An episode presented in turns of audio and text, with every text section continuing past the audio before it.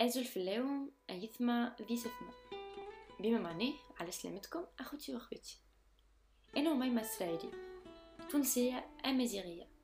أصلي من قرية تمزرت من معتمدية مطماطة من ولاية جيبس اللي تنتمي إلى المثلث الأمازيغي اللي فيه قرية توجود قرية تزراوة وقرية تمزرت هذه أكبر مجموعة سكان أمازيغ ناطقة في تونس.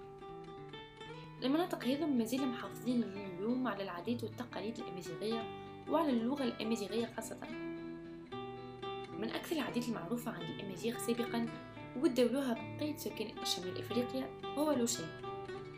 ومازالوا بعض الشواهد من رجال ونساء كبار حيين وموجودين بيناتنا فما برشا رموز وأشكال استعملوها في لوشين متاعهم كما الحوتة الجبل العصافر تانيت اللي كل واحدة فيهم ترمز الحاجة ومستوحية من الطبيعة والمحيط اللي عايشين فيه. قبل المرأة الأمازيغية قليل نلقاوها مش موشمة والبنات كانوا يوشموهم وهم عمرهم 12 سنة. بخليف اللي لوشيم سيني متاع جمال هو زيدا كان دليل إللي الصبية في عمر مويتي للزواج.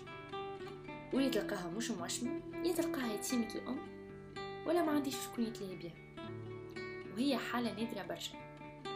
على خاطر لوشام كان دليلة على الفئة الاجتماعية والفئة الاقتصادية للمرأة الأمازيغية نجيب للأمازيغ كيفاش كانوا يلبسوا. كانوا ياسر يهتموا بالمظهر متاعهم ولبستهم. حتى إنه كل فئة من العباد عندها style vestimentaire الخاص بها. مش كيما تلبس الصبية كيما تلبس المرأة الكبيرة ولا المرأة المعرسة. مش كيما يلبسوا في الأفراح ولا الأيام العادية كيما يلبسوا في الأحزان ولا في الخدمة.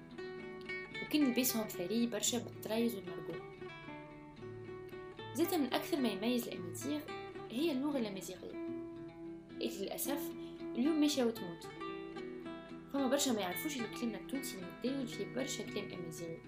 كما اسم تونس. اللي هي في الأصل كلمة تنست. هي كلمة أمازيغية. ومعناها هو مفتاح. اللي هو يقصد به مفتاح شمال إفريقيا. وغيرها من كلمات كما كلمة شلاغم كلمة برنوس كلمة فكرون كلمة فرتاس وغيرهم. اليوم المسألة الأمازيغية تمشي وتلقى في صدى أكبر من قبل.